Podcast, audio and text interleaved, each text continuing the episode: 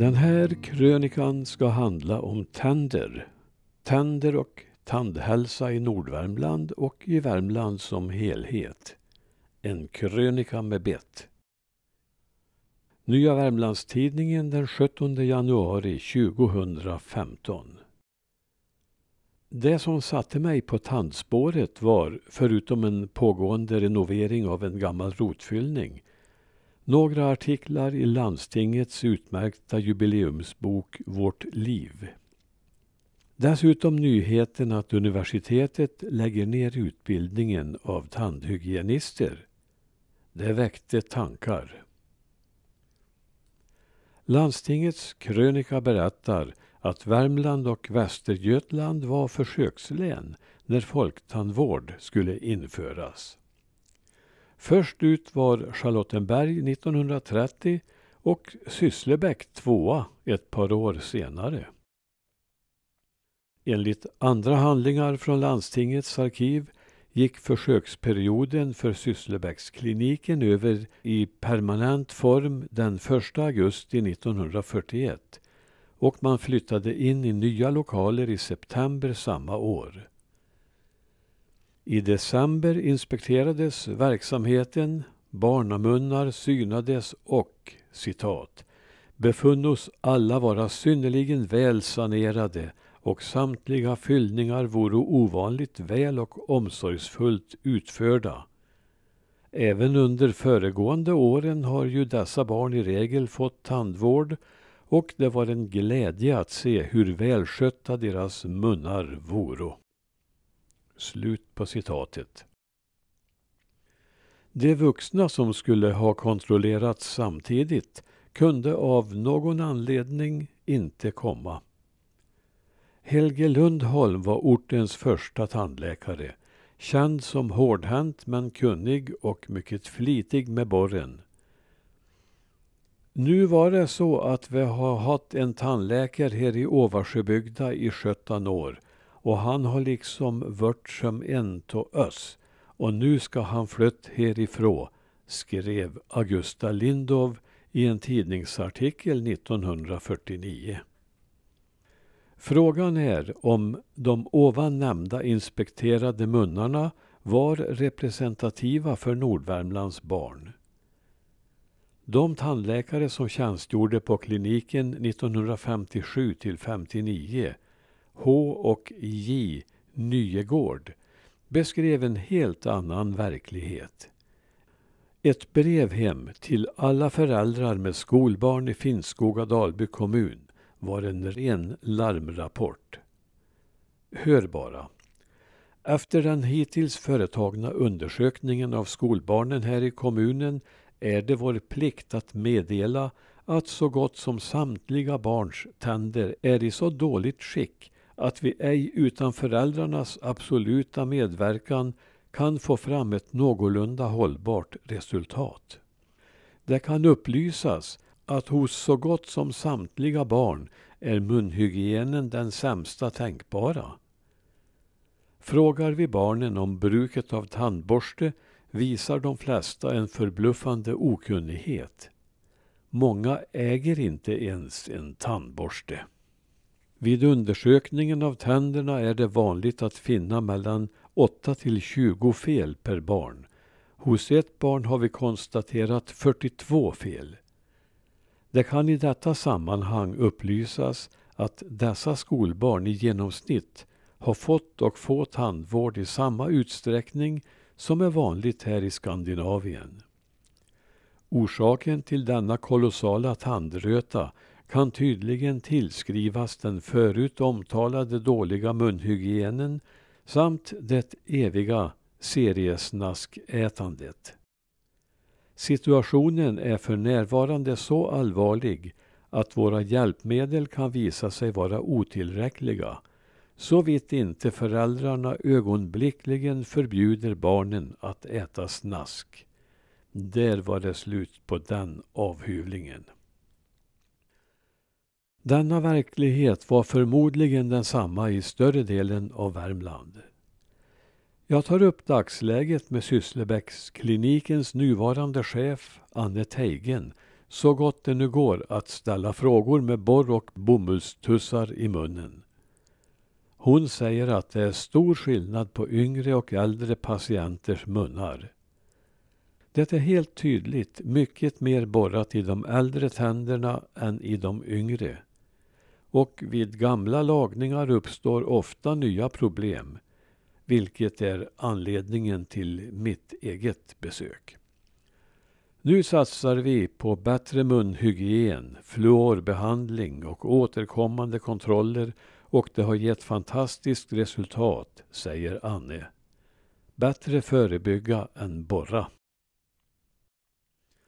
Hon påpekar att Värmland nu ligger främst i landet när det gäller tandhälsa och att detta till stor del är Per Axelssons förtjänst.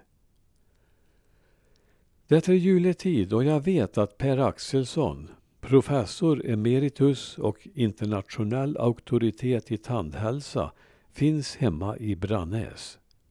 Han välkomnar mig i sin stuga vid föräldrahemmet Framgården där han växte upp. Per Axelsson var genom de så kallade Karlstadsförsöken starkt pådrivande för att starta den tandhygienistutbildning i Värmland som kom igång 1976 som tredje i landet och som haft enorm betydelse för värmländsk tandhälsa. Per var högste ansvarig för förebyggande behandling av parodontit och karies inom landstinget och ansvarig för tandhygienistutbildningen från start. Men nu har alltså universitetet i Karlstad beslutat att lägga ner just densamma trots stor efterfrågan på tandhygienister. På universitetet bekräftar man att utbildningen upphör när de som nu går den är färdiga. Vad säger professorn om detta? Han svävar inte på målet. Mot bakgrund av den positiva utvecklingen av värmlänningarnas tandhälsa är det djupt tragiskt, särskilt som tandhygienister till närmast 100 procent ägnar sig åt förebyggande vård, säger Per Axelsson. Och fortsätter. Eftersom tandsjukdomarnas orsaker är kända och effektiva förebyggande metoder finns är det oetiskt att lägga ner utbildningen. Yrkesgruppen är dessutom en stor bristvara. En del av Per Axelssons insats finns beskriven i landstingets krönika. I korta ordalag sägs det där att han blev chef för tandhälsovården 1975 och han var hjärnan bakom det som kallades Karlstadsförsöken. Karlstadsförsöken gick i korthet ut på att med förebyggande åtgärder öka tandhälsan. Vid försökens start hade värmländska ungdomar flest kariesskador i Sverige och Sverige var bland de sämsta i världen. WHO samlar årligen in data där man gör internationell jämförelse på just 12-åringars tandhälsa. I början av 1970-talet hade värmländska tolvåringar cirka 25 kariesskadade tandytor mot endast 0,5 per individ i slutet av 1990-talet då de värmländska barnen hade landets bästa tandhälsa och Sverige blivit bäst i världen. I ett försök på vuxna som fick förebyggande behandling av tandhygienist var resultatet lysande. På 30 år förlorade de i snitt endast en tand, bibehöll tändernas fäste och utvecklade bara ett hål per individ, trots att man i den äldsta gruppen var 81 till 95 år vid försökens slut. Dessa försök väckte stor uppmärksamhet internationellt och Per Axelsson har som efterfrågad föreläsare redogjort för resultatet i 58 länder. Sverige har blivit ett föregångsland på området.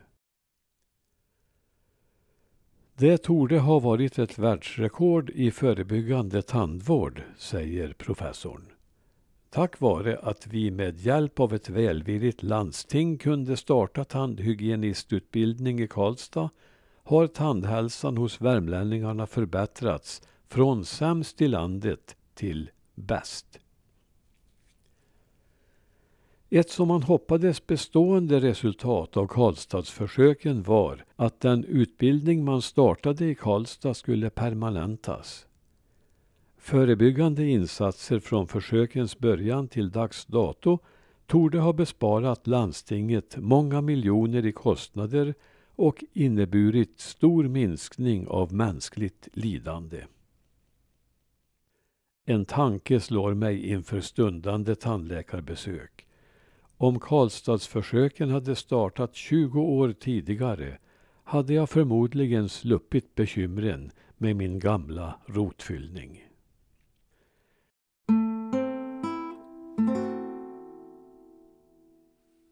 Till denna krönika hör en bildtext med Per Axelsson, 81 år, med skidor. Professor emeritus Per Axelsson, 81 år, är fortfarande internationellt efterfrågad skribent och föreläsare inom ämnet förebyggande tandvård. Den tidigare Hammaröbon bor numera i Stockholm men återvänder gärna till barndomens Brannäs. Här väntar tio kilometer i skidspåret.